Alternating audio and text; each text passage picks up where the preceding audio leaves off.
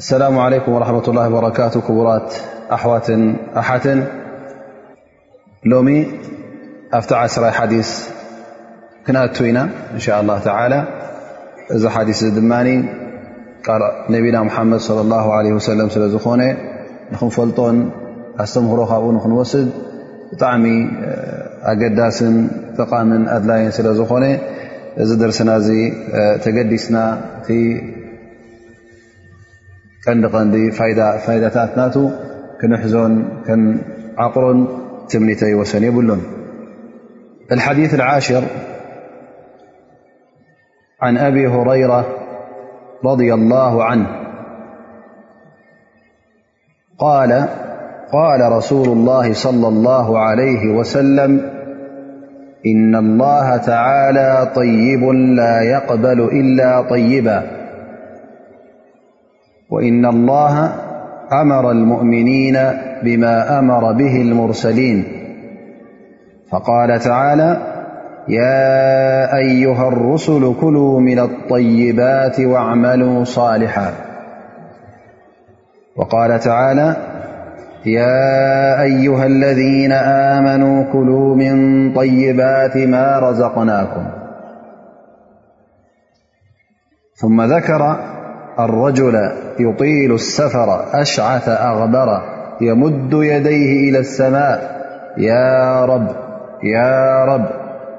ومطعمه حرام ومشربه حرام وملبسه حرام وغذي بالحرام فأنا يستجاب له رواه مسلم እዚ ሓዲስ እዚ በዚ ይድምደም። እዚ ሓዲስ እዚ እንተ ደኣ ኣስተውዒልናሉ ሓደ ካብቲ ቀንድታት ናይ እስልምና ካብቲ መሰረታት እስልምና እዩ ኢሎም ዑለማ ይጠቕስዎ። ምኽንያቱ ኣብ ኩሉ ተግባራትናን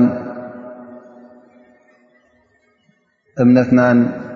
ቃላትናን ስራሓትናን ንኣላ ስብሓን ወተላ ኢልና እንገብሮ ኩሉ ከምቲ ኣብዚ ሓዲስ እዚ ዝመፀ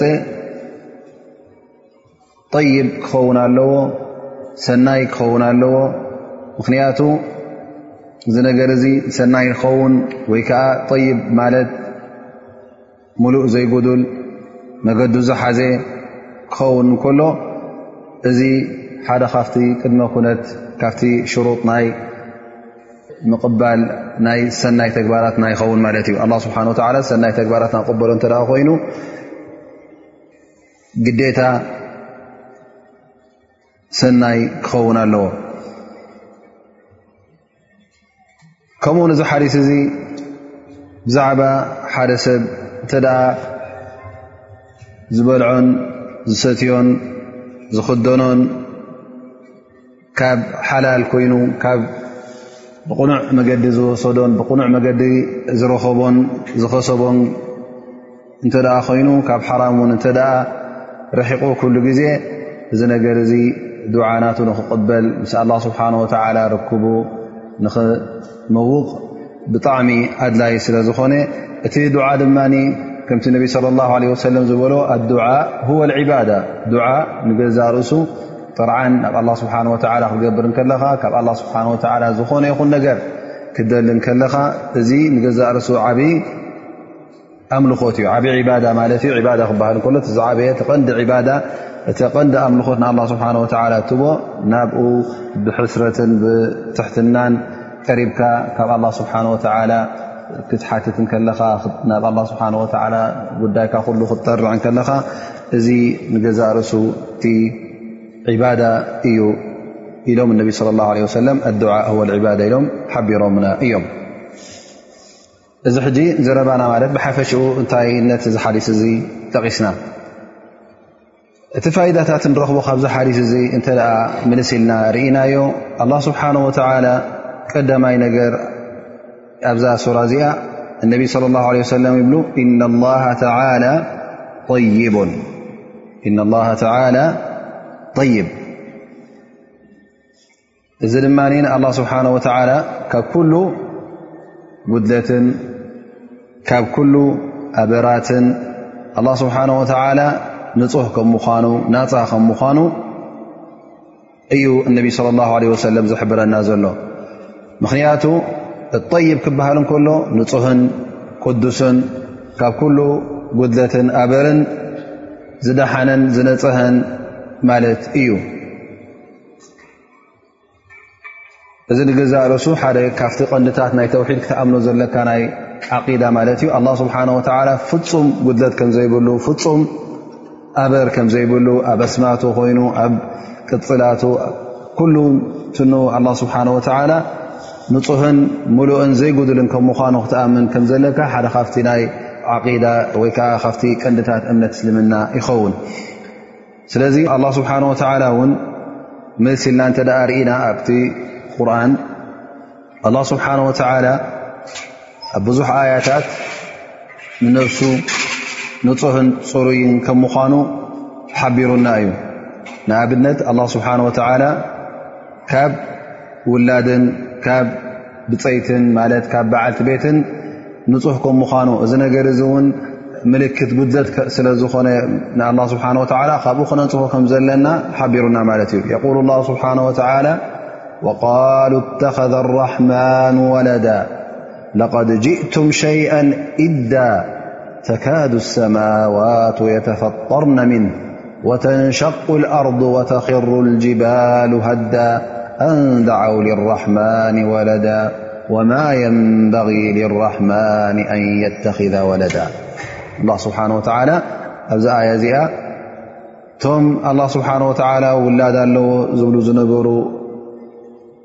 ወይ ከዓ ውን ወሊዱ ኢሎም ካብ ካልእ ካብ ሰበይቲ ካብ ብፀይቲ ውላድ ኣለዎ ዝበሉ እዚኦም ሰባት እዚኦም እቲ ዝብልዎ ቃል ሓሶት ከም ምኳኑ ሓቂ ዘይብሉ ሰማይን ሰማይ ዝጭደደሉን መሬት ስርግኣሉን ዘረባ ከም ምኳኑ ከምኡ ውን እዚ ቃል እዚ ጎቦታት ውን ክፈርስ ብሰንኩ ውን ተቐራረበ ከም ምዃኑ ኣላ ስብሓን ወተላ ሓቢሩ ማለት እዩ ምኽንያቱ ሓሶት ቅቡል ሓሶት ስለ ዘይኮነ ኣንዳዓው ራሕማን ወለዳ ኣ ስብሓ ወላ ፍፁም ውላድ የብሉን እዞም ሰባት እዚኦም ውላድ ኣለዉ ዝብሉ ዘለዉ ንገዛእ ርእሱ ሰማይን ምድርን ጎቦታትን ዘይቅበሎ እዚ እውን ንዕኦ ክጨዶን ከፍርሶን ዝደለየ ቃል እዩ ኢሉ ኣላ ስብሓ ወላ ሓቢሩ ማለት እዩ ወማ የንበغ ልራሕማን ኣን የተኪዛ ወለዳ ፍፁም ኣላ ስብሓን ወተላ ውላድ ክህልዎ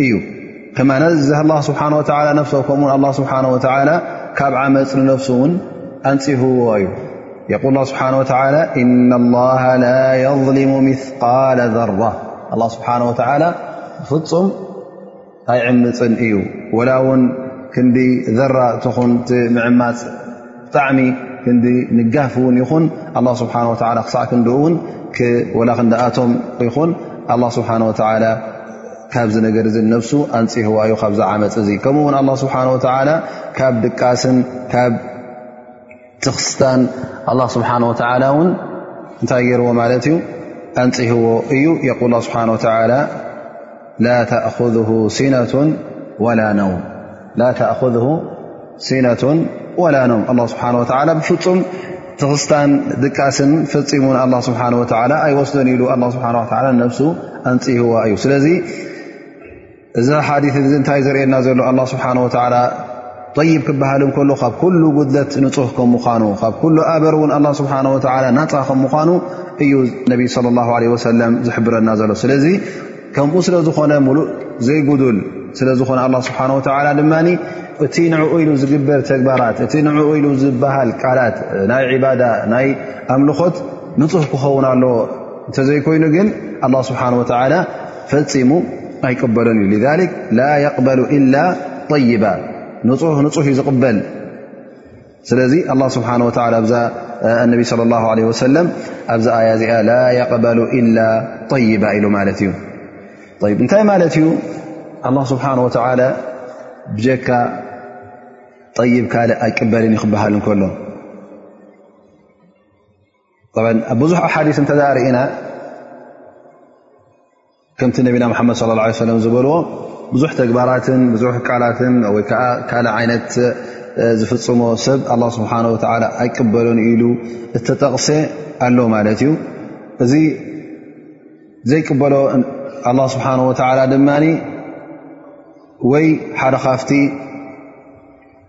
ሸርጥታት ናቱ ካብቲ ቅድመ ኩነት ናቱ ጉድለት እንተ ተረኺቡ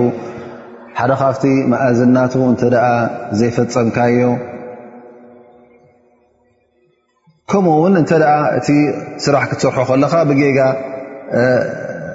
ኣተግቢርካዮ እዚ ኩሉ ቅቡል ኣይከውንን እዩ ስለዚ እቶም ዕለማ ኣብቲ ኣሓዲ ዝመፀ ኣላ ስብሓን ወላ ኣይቅበልን እዩ ክበሃል እንከሎ ክልተ ዓይነት ትርጉም ይወሃቦ ኢሎም ማለት እዩ ክልተ ዓይነት ትርጉም ይወሃቦ ቀዳማይ ነገር ኣይቅበሎን እዩ ክበሃል እንከሎ ማለት ኣጅሪ የብሉን ማለት ኣጅሪ የብሉን ግን እቲ ተግባር ጌርካዮ ኢኻ እሱ እውን ካብ ዝባንካ ወሪዱ እዩ ኣቃሊልካዮ ማለት ኢኻ ንኣብነት የቁል ነቢ صለ ላه ለ ወሰለም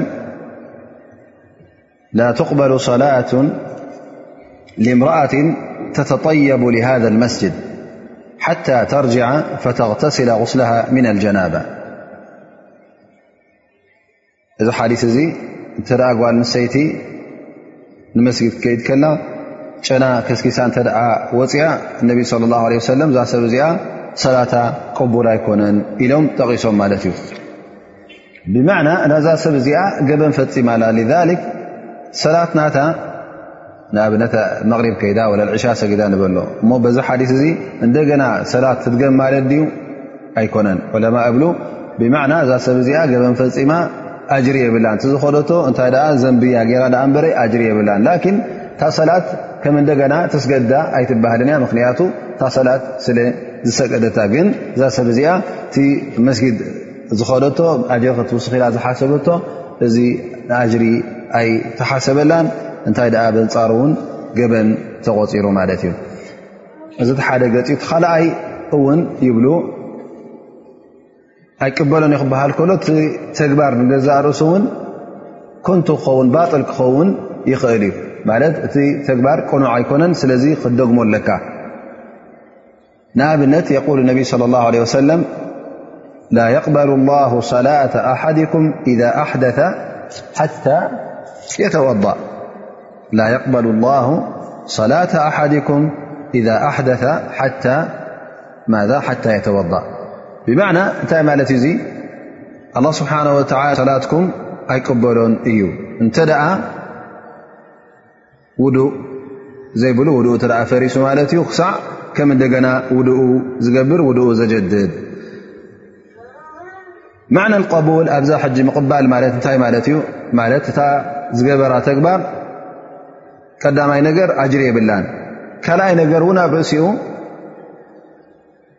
እዛ ሰላት እዚኣ እኽልቲ ኮነትን እንደገና ክሰግዳ ኣለዎ ማለት ጌና ኣብ ዝባኑላ ማለት እዩ ዕድኡ ኣይከፈለን ጌና ዕዳ ናቱ ካብ ዝባኑ ኣይወረደን ማለት እዩ ምኽንያቱ ዋጅብ ስለ ዝኾነ እዚ ዋጅብ እዚ ግዴታ እዚ ከም ዕዳ ከም ተሰክሙ ስለ ዝቁፅር ካብ ፀሩ ኣይወረደን ማለት እዩ እዘ ነቢ ስለ ላ ለ ወሰለም ኣብዚ ሓዲስ እዚ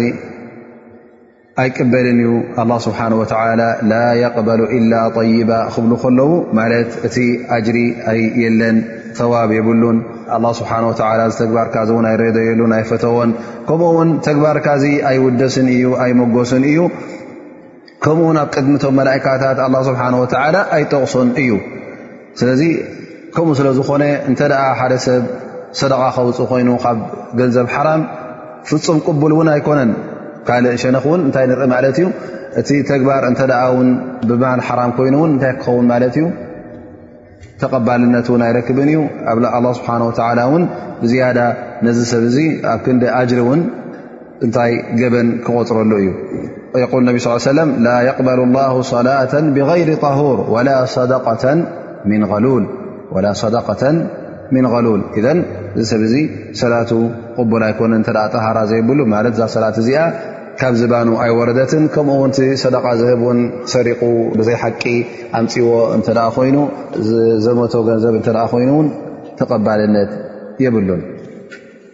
እዚ ሓደ ፋይዳ ማለት እዩ ካብዚ ሓዲስ እዚ ንጥቀሞ ከምኡ ውን እዚ ሓዲስ እዚ ብዛዕባ ወዲ ሰብ እቲ ዝበልዖን ዝሰትዮን ካብ ሓላል ክኸውን ከም ዘለዎ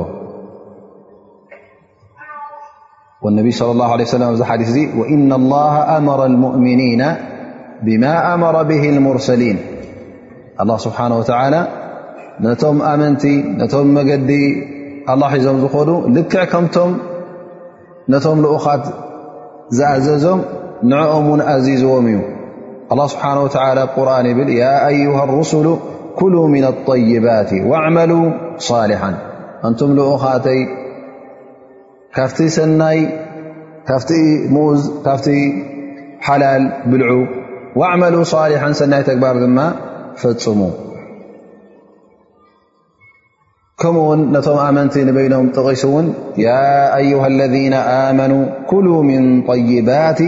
ማ ረዘቅናኩም ኢልዎም ኣንቱም ብኣይ ዝኣመንኩም ካፍቲ ሰናይ ሽሻይ ካፍቲ ሰናይ ርዝቀይ ካብኡ ብልዑ ማለት እትበልዖ እንታይ ክኸውን ኣለዎ ኣላ ስብሓን ወተላ ዘፍቀዶ ሓላል ንነብስኻ ዝጠቅም ነብስኻ ዘይጎድእ ብመገዲ ሓላል ዘምፃእካዮ ስራሕ ዝሰርሖ ዘለኻ ሓላል ክኸውን ካብ ሓራም ዝረሓቐ ካብ ሓረጣ ዝረሓቐ ካብ ዘመታ ዝረሓቐ ክኸውን ኣለዎ ማለት እዩ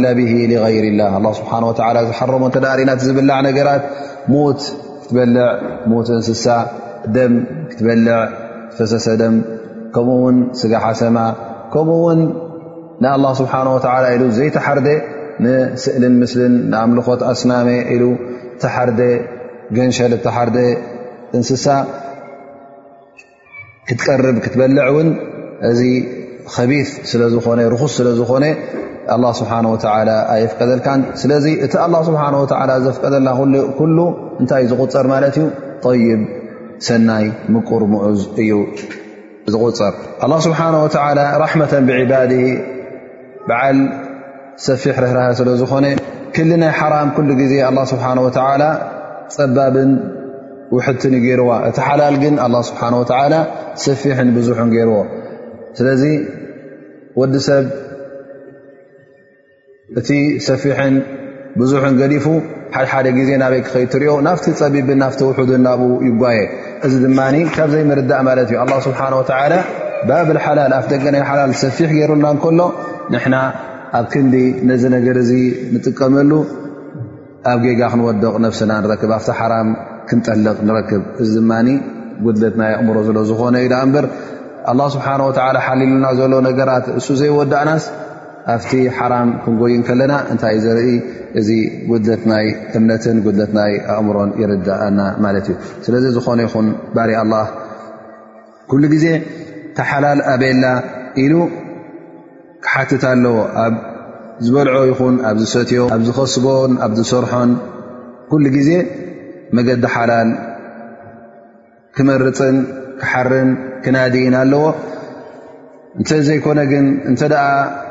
ዝበልዖን ዝሰትዮን ካበይ ይምፃእ ካብ ሓላል ይምፃእ ካብ ሓራም ይምፃእ ብዘየገድስ እንተ ሱቕ ኢሉ ዝበልዕን ዝሰትን እተ ኮይኑ እዚ ሰብ እዚ ከምቲ ኣብዚ ሓዲስ እዚ ነቢ صለ ላ ለ ወሰለም ዝበልዎ ድዓናት ውን ኣላ ስብሓን ወተላ ኣይቅበሎን እዩ እቲ ወዲ ሰብ ኩሉ ግዜ ምስ ኣላ ስብሓን ወተላ ርክቡ ድልዱልን ሓያልን ክኸውን እዩ ዝደሊ እንተ ግን ቀንዲ ነገር ዱዓ እዩ ዘራኽቦ ምስ ኣላ ስብሓን ወተላ ድማ እንተ መገዲ ሓራም ብልዒ ሓራም ዝበልዕ እንተ ኮይኑ እዚ ርክብ እዚ ክልሕልሕን ክብተኽን ስለ ዝኽእል እነቢ ስለ ላ ለ ወሰለም ኣብዚ ሓዲስ እዚ የጠንቀቑና ማለት እዩ ተግባር ወዲ ሰብ ሰናይ ተግባር ገይረ ኢሉ ናብ ኣላ ስብሓን ወተላ ከቕርቦ እንከሎ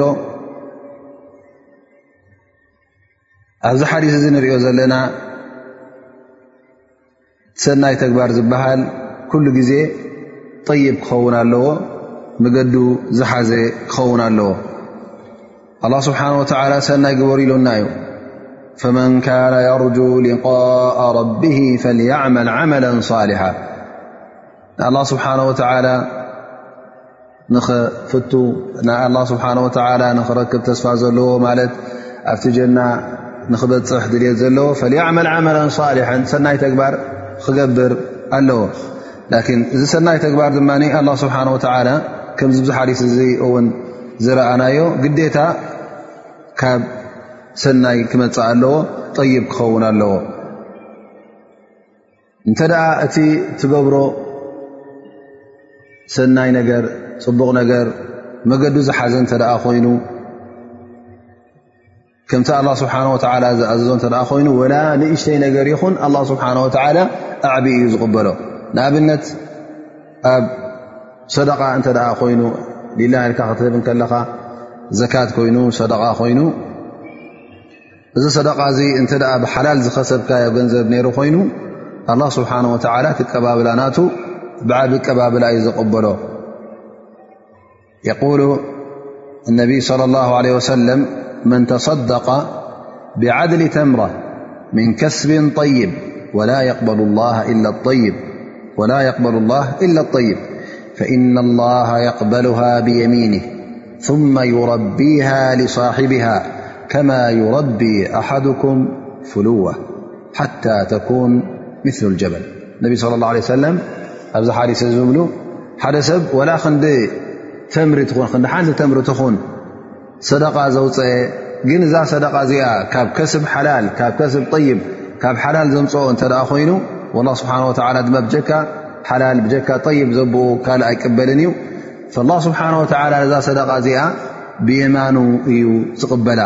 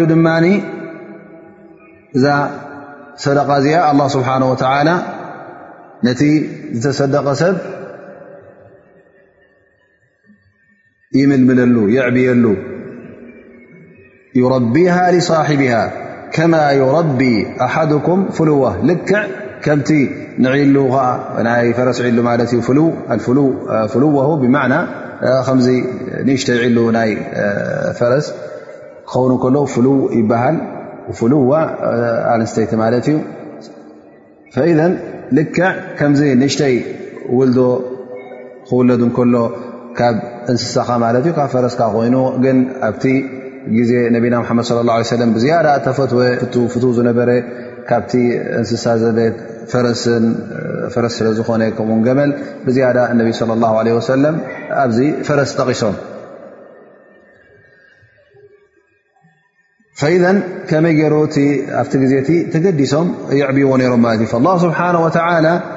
እዚ ሰደቃ እዚ ኣላ ስብሓ ላ እታ ንእሽተይ የዕብየልካ ማለት እዩ እናከናኸነልካ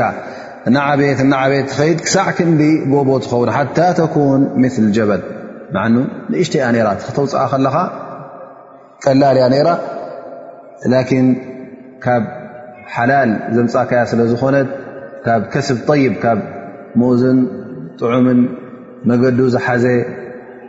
ሓላል ነገር ስለ ዘምፃእካያ ኣላ ስብሓን ወተላ ድማ ፅቡቕ ተቐቢልዋ ማለት እዩ ኣላ ስብሓን ወተላ እዚ ክበሃል እንከሎ ምናልባሽ መብዝሕትኡ ሰብ ጥራይ ኣብ ናይ ሰደቃን ኣብ ናይ ገንዘብ መሃብን ከይመስሎ እዚ ጥራይ ኣይኮነን እንታይ ደኣ ካልእ እውን ነገራት ኣሎ ኣላ ስብሓን ወተላ ጠይብ እንተ ደኣ ዘይኮነ ኣይቅበሎን እዩ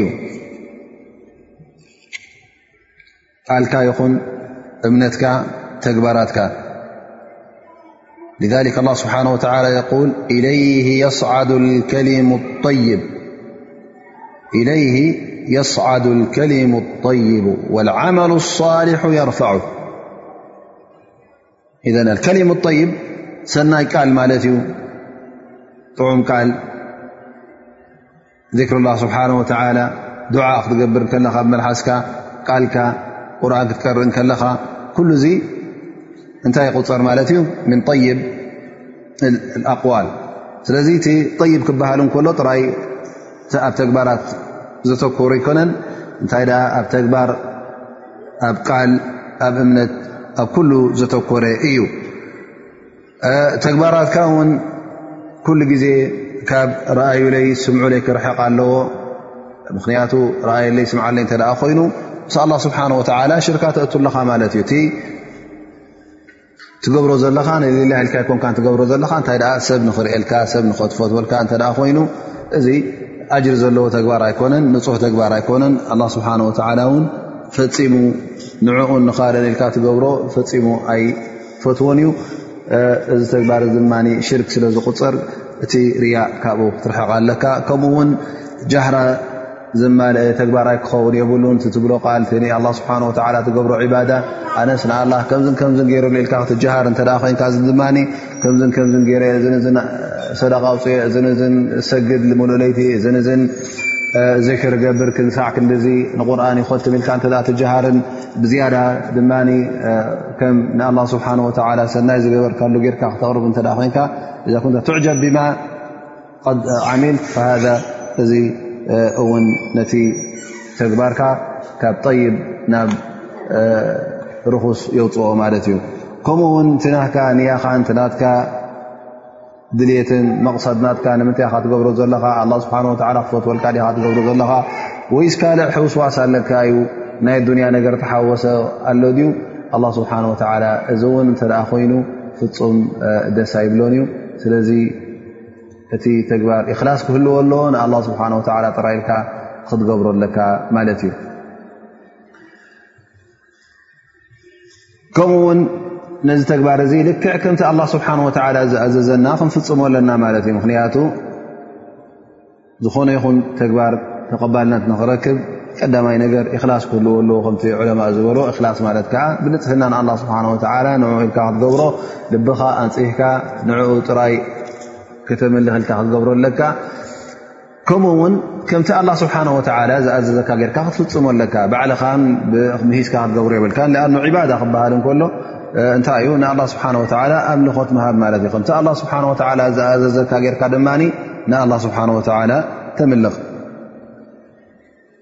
ከምቲ ነቢ صለ ላ ለ ወሰለም ዝሓበሩኻ ምክንያቱ ነቢ ለ ላ ሰለም ክመፁ ከለዉ ምእንቲ ምንታይ እ መፅኦም ምእንቲ ንዓና ንኸርእዩ እቲ ኣላ ስብሓን ወተላ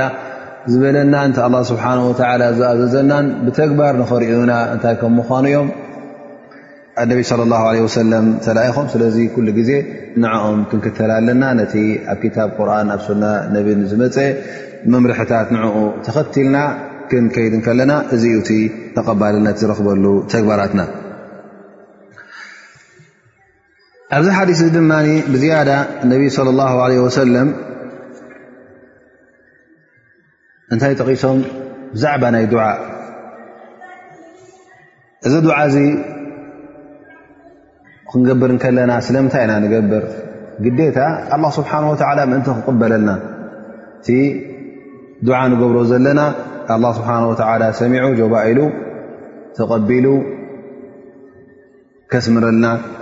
ትብልብና ዘሎ ኩሉ ክምልኣልና ኢልና ኢና ንገብር ማለት እዩ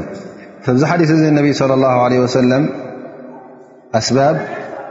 እጃበት ዱዓ ጠቒሶም ማለት ካብቲ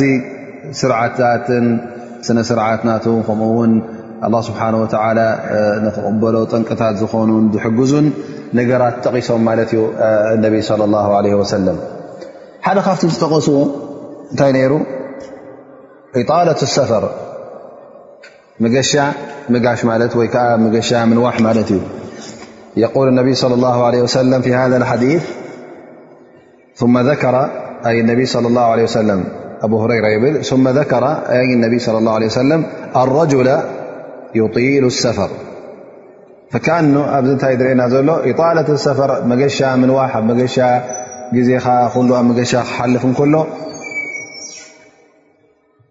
እንታይ ትኸውን ኣለኻ ማለት እዩ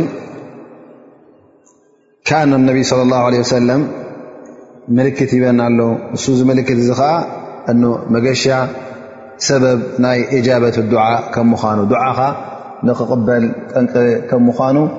እነቢ ለ ላ ለ ሰለም ሓበሬታ ይቡና ኣለዉ ማለት እዩ ኣብ ካልእ ሓዲስ እንተ ርእና እውን ብዝያዳ እነቢ ለ ላ ለ ሰለም ብዛዕባ እዚ ነገር እዚ ኣብሪሆሞ እዮም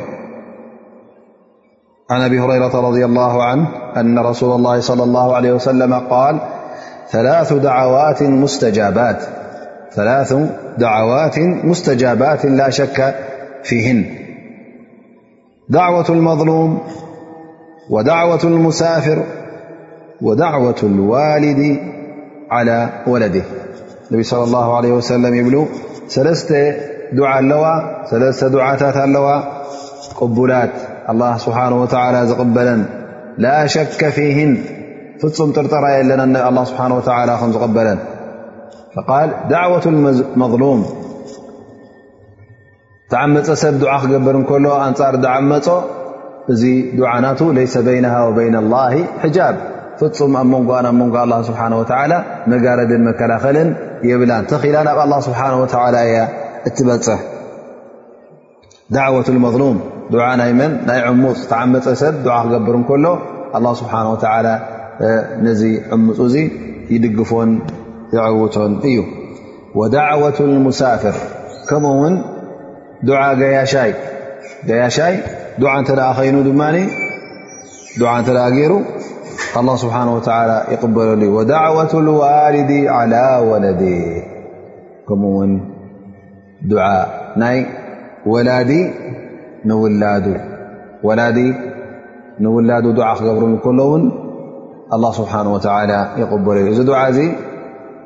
ዱዓ ር እተ ኮይኑ ዓ ሰናይ እተ ኮይኑ ኣ ስብሓ ላ ይቕበሎ መርገም እንተ ኮይኑ እውን ኣላ ስብሓን ወተላ ይቕበሎ እዩ ስለዚ ካብ ዱዓ ናይ ወለድና ኩሉ ግዜ ክንጥንቀቕ ኣለና ኩሉ ግዜ ሰናይ ክንፍፅመሎም ኣለና ክነኽብሮም ኣለና ስለዚ ንወለድና እውን ኣቐዲምና ክንሪኦም ኣለና ድሕሪት ድሕሪ ዝባና ክንገድፎም የብልናን ምኽንያቱ እቲ ሶም ዝብልዎ ሶም ዱዓ ዝገብርዎ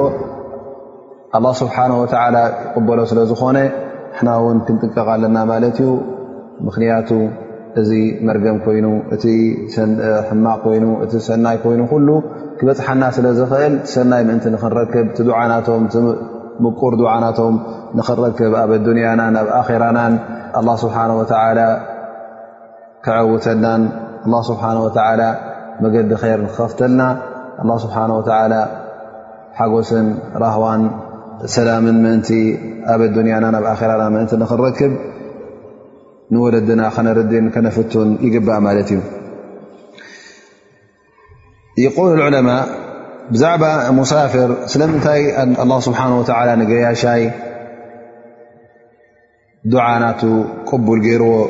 ይብሉ ምኽንያቱ ገያሻይ ኩሉ ግዜ ካብ ዓዲ ናብ ዓዲ ክኸይድ እንከሎ ትዝኣት ዓድታት ኩሉ ዘይፈልጡ ዓድታት ስለ ዝኾነ ብትሕትናን ብምሽክንነትን እዩ ዝኣትዎ ስለዚ ከምኡ ውን ኣብ ርእሲኡ ድማ ድኻም ስለ ዘለዎ እዚ ኩሉ ነገራቱ እውን ኩሉ ግዜ ናብ ምንታይ ናብ ትሕትና ጥራይ ስለ ዘቕርቦ ኣላ ስብሓን ወተዓላ ድማ ዱዓናቱ ይቕበሎ ይብሉ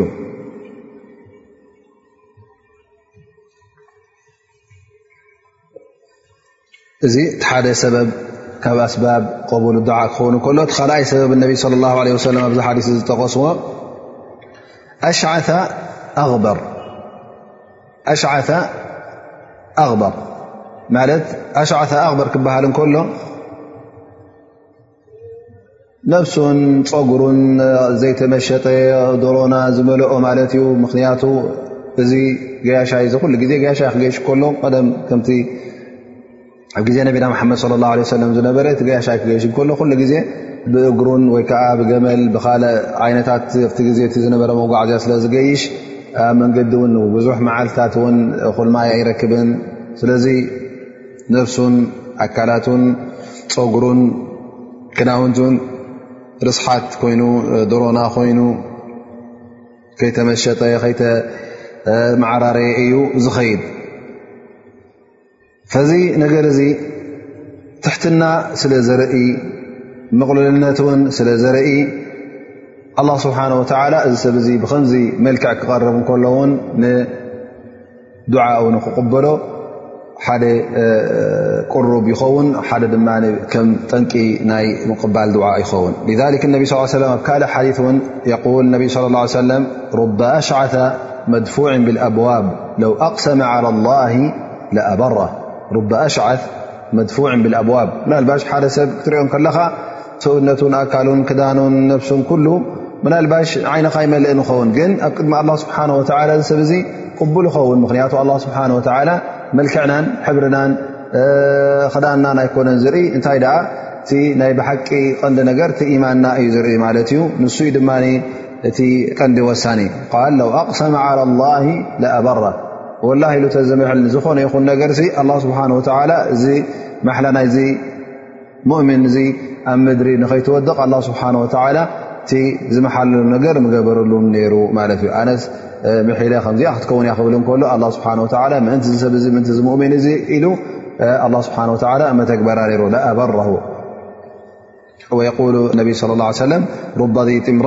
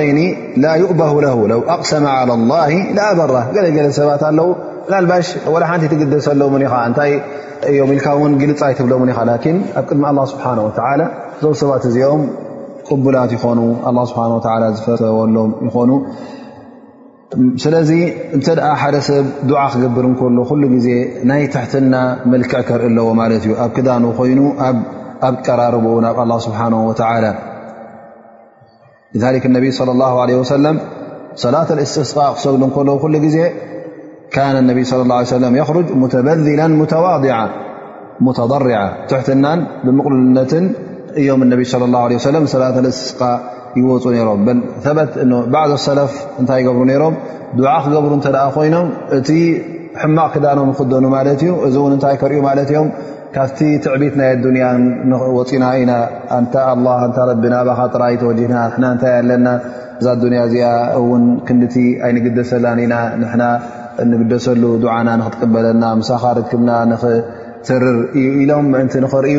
ወላ እቲ ዝኽደንዎ እውን ትሑት ክዳን ተኸዲኖም እወፁ ነይሮም ይብሉ ማለት እዩ ምኽንያቱ እዙ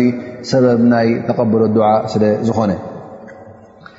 እዚ ካልኣይ ክኸውን ከሎ ሳልሳይ እውን ነቢ صለ ላه ለ ወሰለም ኣብዚ ሓዲስ ዝጠቐስዎ የሙዱ የደይህ ኢለ ሰማእ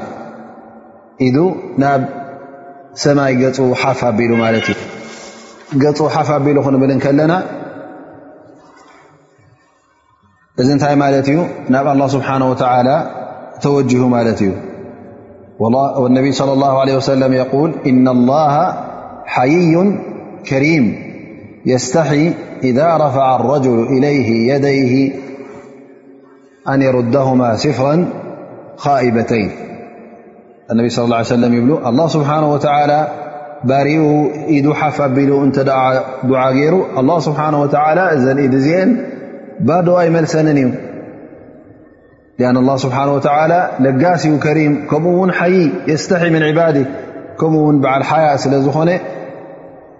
ባር ኣላ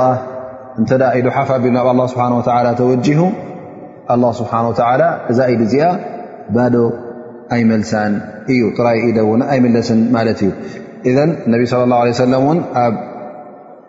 ናይ እስትስቃ ድዓ ክገብሩ ከለዉ ኢዶም ሓፍ የብሉ ነይሮም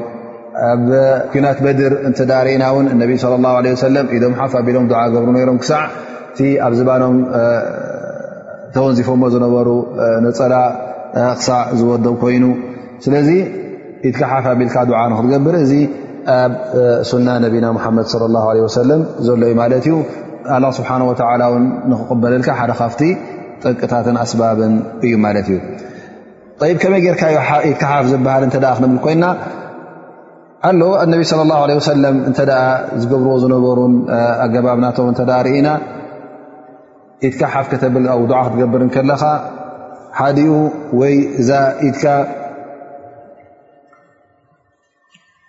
ዝባና ማለት ጉንቦ ኢድካ ማለት እዩ ዝባና ንሰማይ ገፃ ጌርካ እቲ ከብዲ ኢድካ ናባኻ ክትገብሮ ከለኻ ብጣዕሚ ድማ ኢድካ ሓፍ ተብሎ ማለት እዩ ንላዕሊ ንሰማይ ገፅካ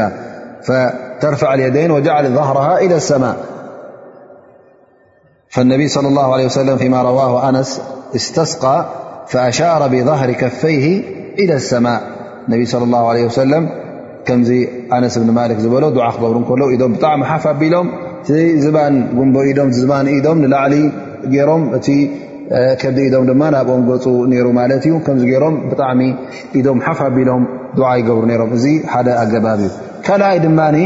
ኢትካ ከብዱ ናባኻ ገፅካ ጌርካ እቲ ዝባኑ ድማ ንቂብላ ገፅካ ጌርካ ክትገብር ከለኻ እዚ እውን ሓደ ዓይነት ዱዓ ማለት እዩ ኢትካ ሓፍ ኣቢልካ ከምዚ ሃቡ ንክትብል ከለኻ ወይ ከዓ ሓደ ሰብ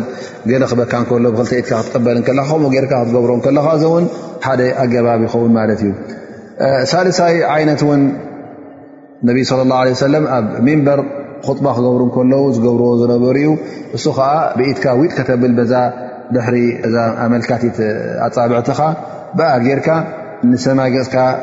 እሻራ እናገበርካ ንሰማይ ገፅካ ብኣ ሓፍ ክተብል ከለኻ ናብ ኣላ ስብሓን ወተዓላ እዚ እውን እንታይ እዩ ሓደ ካብቲ ናይ ኢድ ምልዓል ይቁፀር ማለት እዩ ፈዘን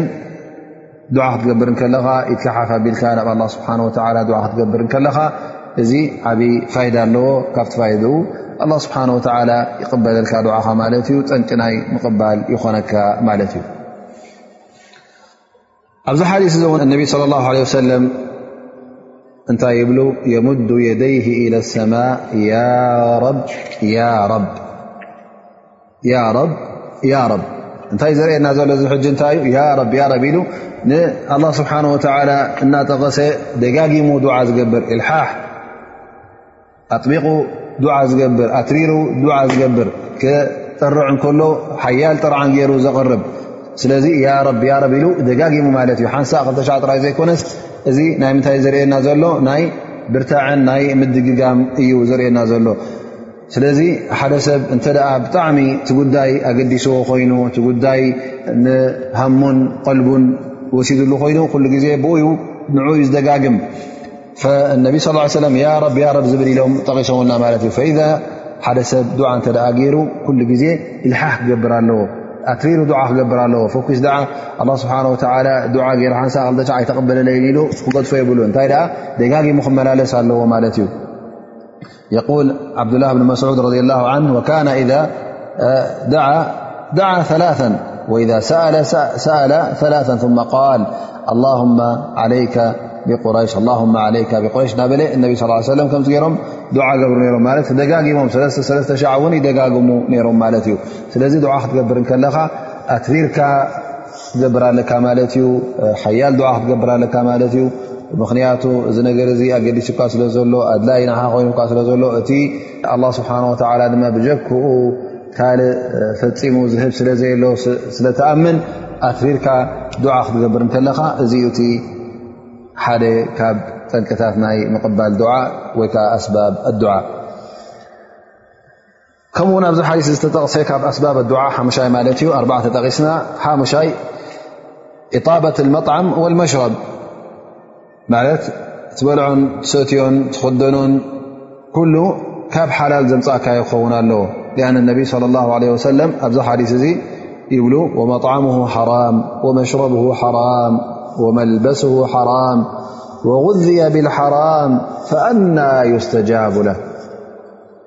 እዚ ሰብ እዚ እዚ ዱዓ ያ ረብ ያ ረብ ዝብል እዚ ኩሉ ኣስባብ ኣዱዓ ገይሩ ኢዱ ሓፍ ኣቢሉ ገያሻይ ኮይኑ ከምኡ ውን ክዳኑን ነብሱን ኩሉ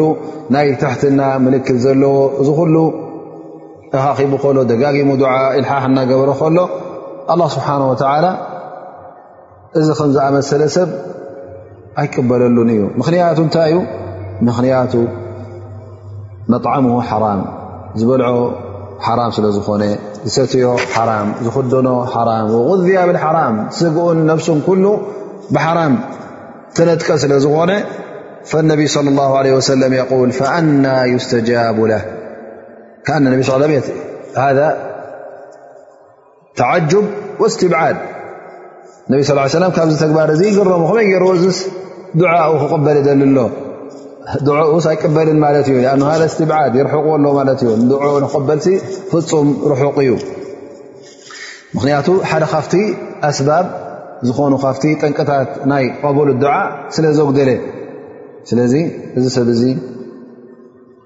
ክልተ ሰለስተ ኣርባዕተ ኣማሊኡ ሓንቲ ክልተ ስለ ዝጎደልኦ ድማ ዱዓኡ ኣላ ስብሓን ወተዓላ ኣይቅበለሉን እዩ ኢሎም ነቢ ለ ላ ለ ወሰለም ይሕብሩና ማለት እዩ እንታይ ዘርእየና ዘሎ እዚ ሓዲስ እዚ ምናልባሽ ኩሉ ነገራት ኣማሊእካ ትኸውን ግን እቲ ወገናይ ሓላል ምብላዕ ብገንዘብ ሓላል ጥራይ ምጥቃም ካብ ቤትካ ካብ ስራሕካ ካብ ንብረትካ ኩሉ ሓራም ዘብኡ ክተርሐ ከም ዘለካ እዩ ዘርእየና ዘሎ ማለት እዩ ምክንያቱ እንተ እቲ ስውነትካን ኣካልካን ኩሉ ብሓራም ተነጥቀ እተ ኮይኑ ተኸዲንካዮ ዘለኻ ክዳን ኢትካ ተንቀሳቕሶ ዘለኻ እዚ ኩሉ ብሓራም ጥራይ ተሸፈነ እተ ኮይኑ ብሓራም ተነደቐ እተ ኮይኑ ኣላ ስብሓን ወላ ነዚ ከም ዝኣመሰለ ሰብ ዱዓናቱ ኣይቀበሎን እዩ እንተ ክቅበለሉ ኮይኑ ኩሉ ግዜ ሰናይ ሓላል ዝኾነ መግቢ ካብ ሓራም ዝረሓቐ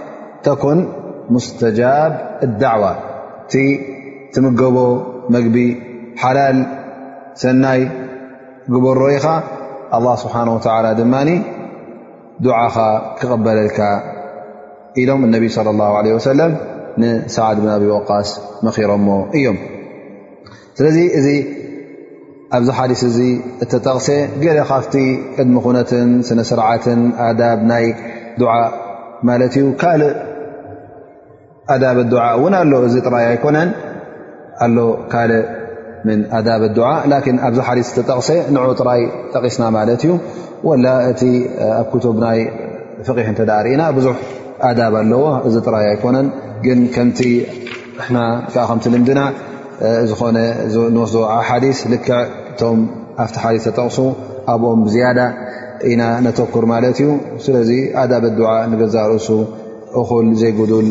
ሓደ ናይ ደርሲ ስለ ዝኾነ ኣብዚ ደርስና እዚ በዚ ዝጠቕስናዮ ሸርሒ ወይ ከዓ በዚ ዝጠቕስናዮ ትንተና በዚ ንፍፅም ብእድኒ ላ ተላ ስ ላ ስብሓን ወተላ ኣን የንፈዓና ብማ ሰሚዕና ዝሰማዕናዮ እንሻ ላ ጠቓምን فايدة زلو كخو نتمنخ ني لممعلت درسنا بز دمدم قل قول هذا وأسأل الله سبحانه وتعالى أن ينفعنا بما سمعنا